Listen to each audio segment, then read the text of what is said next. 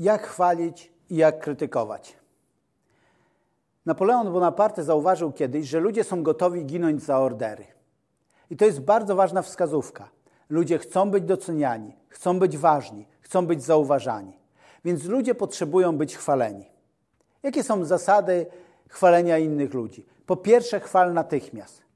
Im bliżej między czynem tej osoby a Twoją pochwałą, tym ta pochwała jest mocniejsza.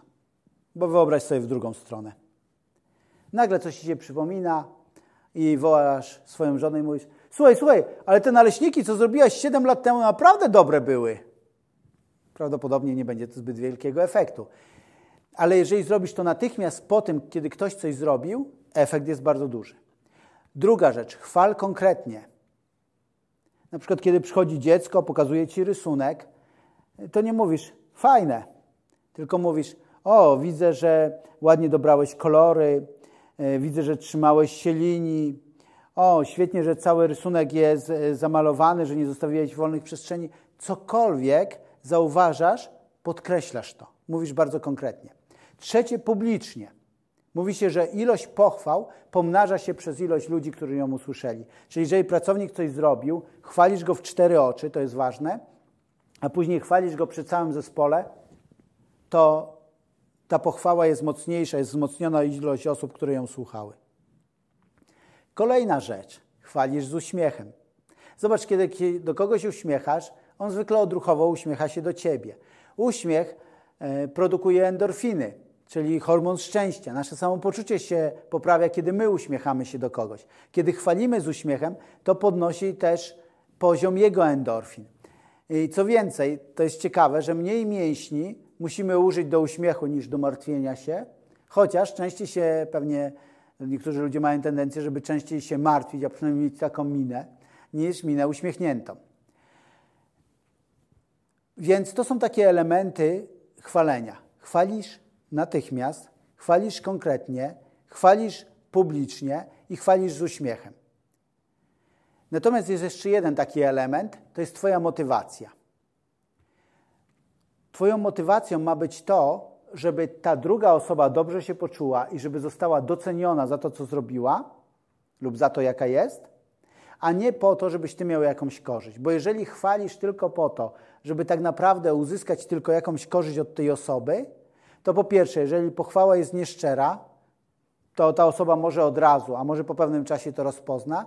A po drugie, jeżeli pochwała jest szczera, ale nie jest właściwą intencją, coś chcesz uzyskać, to prędzej czy później ta osoba mm, to rozpozna.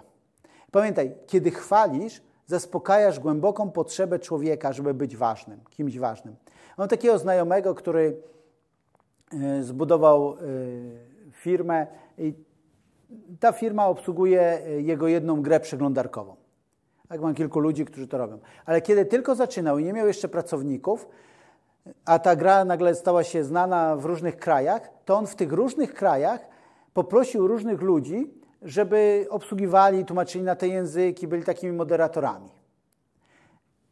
Nie miał pieniędzy, żeby im zapłacić. Za to, kiedy ktoś logował się na stronę na, w tą grę, to były takie ordery, wirtualne ordery, gdzie ci ludzie po prostu byli doceniani.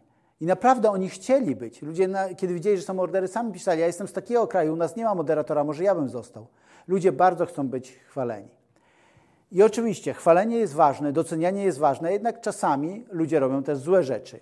I potrzebujemy zrobić konstruktywną krytykę. Ktoś kiedyś żartobliwie powiedział tak. Y, co to jest konstruktywna krytyka? Konstruktywna krytyka jest wtedy, kiedy ja krytykuję ciebie. A co to jest destruktywna krytyka? Destruktywna krytyka jest wtedy, kiedy ty krytykujesz mnie. Oczywiście to jest żart, natomiast jak krytykować we właściwy sposób?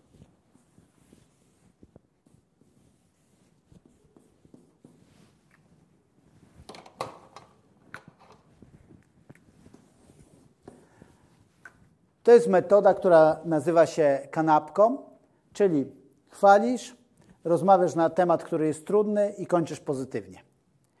Omówię teraz trochę to. E, są ludzie, którzy mówią tak, nie należy zaczynać od pochwały.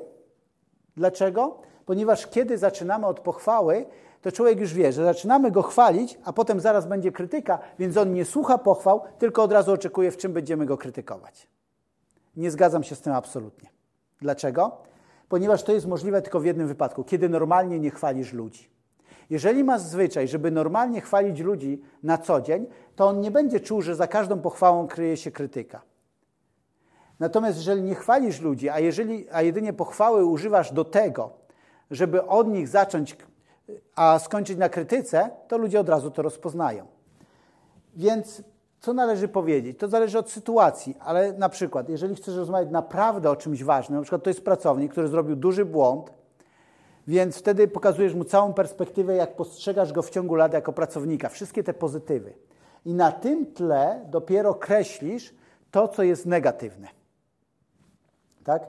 Więc yy, pochwały są tutaj ważne. Kolejna rzecz, jeżeli to nie jest nic takiego bardzo poważnego, to pokazujesz jakieś trzy dobre rzeczy. Mówisz coś dobrego o tym człowieku. Nawet jeżeli mówiłeś to kiedyś wcześniej, to jest ważne. Ktoś, jeżeli wiele razy jest chwalony za coś, to umacnia się w nim poczucie, aha, w tym jestem dobry. Następnie jest, tak wyobraź sobie, że to jest taki hamburger z McDonalda. To jest miękkie pieczywo, a to jest twardy, twardy hamburger, twarde mięso. I teraz, tak samo jak to twarde mięso trzeba trochę przerzucić, to zajmuje trochę czasu, tak samo właściwa rozmowa na trudne tematy to nie powinna być rozmowa typu yy, zrobiłeś źle, to i to i to, masz teraz robić tak i tak i tak. To nie jest, yy, to nie jest właściwa krytyka. To jest powiedzenie, jak to wygląda z Twojego punktu widzenia, zapytanie o jego punkt widzenia yy, i wyciągnięcie z tego wniosków. Tak? Te trzy proste rzeczy pokazujesz, jak to widzisz, pytasz o jak on to widzi, wyciągacie wnioski na przyszłość i kończysz, że wierzysz, że dalsza współpraca będzie się układała pomyślnie, jak do tej pory i że jeżeli znowu będzie jakaś trudna sytuacja, to wierzysz, że i tak ją rozwiążecie. Czyli kończysz świetlaną wizją przyszłości, tak, a mówiąc poważnie, kończysz czymś pełnym zachęty. Ważne jest, żeby ludzi chwalić, ważne jest, żeby rozmawiać o rzeczach trudnych we właściwy sposób i na końcu powiem o takiej zasadzie, która brzmi: zachęcaj, nie zniechęcaj. Pracowałem wtedy w ośrodku dla ludzi uzależnionych i w tym ośrodku był pewien człowiek, który tam przyszedł tak trochę z przymusu, bo groziło mu, mu więzienie, więc y, miał taką alternatywę, przyszedł do ośrodka, ale on powiedział: Tacy jak ja się nie zmieniają. No oczywiście był w ośrodku, więc nie mógł palić, nie mógł pić, nie mógł ćpać. Natomiast to, z czym się ciągle zmagał, to przeklinanie i mówił tak: Tacy jak ja się nie zmieniają i dowodem na to jest to, że ciągle przeklinam.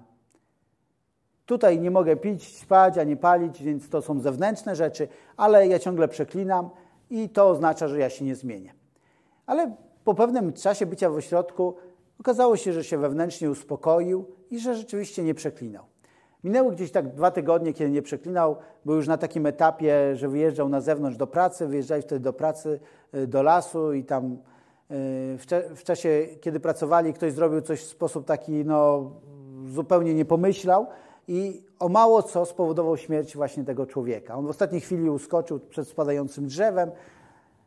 Oczywiście wściekł się, zaczął strasznie przeklinać. Kiedy wrócił do ośrodka, powiedział: Ja wyjeżdżam. Mówiłem, że tacy jak ja się nie zmieniają. Po prostu on takie znaczenie nadał temu przeklinaniu, że to był dla niego dowód, że tacy jak on się nie zmieniają. Jednak y, kiedy przyjeżdżał do ośrodka, w sejfie były wszystkie jego dokumenty, portfel i tak dalej, więc musiał porozmawiać z wychowawcą, taka była procedura, żeby powiedzieć, że wyjeżdża, oczywiście nikt go siłą by nie zatrzymał, natomiast ta rozmowa zawsze dawała szansę, żeby coś człowiekowi wyjaśnić i mu pomóc. Więc on przyszedł do wychowawcy i powiedział, wyjeżdżam, w ogóle nie ma żadnych szans, nikt mnie tutaj nie zatrzyma.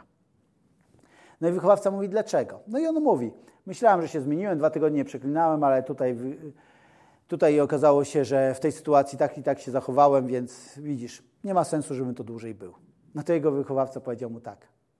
Ty, człowiek, o którym się mówi, że urodził się z przekleństwem na ustach, ty przez dwa tygodnie nie przeklinałeś? Wow, to jest świetny wynik. Szkoda by było go stracić. Wiesz, w takiej sytuacji to normalne, każdy by przeklinał. Ale wiesz co, daj sobie szansę. Daj sobie kolejne dwa tygodnie i zobacz, jak będzie. Mniej więcej tak brzmiała rozmowa. Ten człowiek się przekonał, powiedział: Dobrze, co mi zależy, dwa tygodnie mogę poczekać. Kiedy kończył swój, swój pobyt w ośrodku, mieliśmy taki zwyczaj, że kiedy w niedzielę siedzieliśmy razem i kończył się obiad, to ci ludzie, którzy w zbliżającym się tygodniu wyjeżdżali z ośrodka, wstawali i opowiadali swoją historię. Każdy coś tam mówił, parę słów podziękowań, coś przytaczał, jakieś historie. I on, kiedy wstał, powiedział: Wiele tu się wspaniałych rzeczy wydarzyło, ale jedną historię chcę opowiedzieć. I opowiedział to, jak potraktował go ten wychowawca. I mówi: Wiecie, ja przez te miesiące, które zostały mi do końca terapii, ciągle o tym myślałem. Myślę, że po raz pierwszy w życiu ktoś we mnie uwierzył i ja zacząłem się zmieniać. Wiesz, jest takie powiedzenie, ono jest bardzo mocne. Zmiana staje się bardziej realna, kiedy dostrzegasz ją w oczach innych ludzi. Chwalenie i konstruktywna krytyka sprawia, że inni w Twoich oczach mogą dostrzec, że mogą się zmienić, a Ty możesz na nich wpłynąć, że, żeby Wasze relacje e, były właściwe i żeby oni, jako na przykład pracownicy, wykonywali to, e, do czego są zatrudnieni. Dzięki.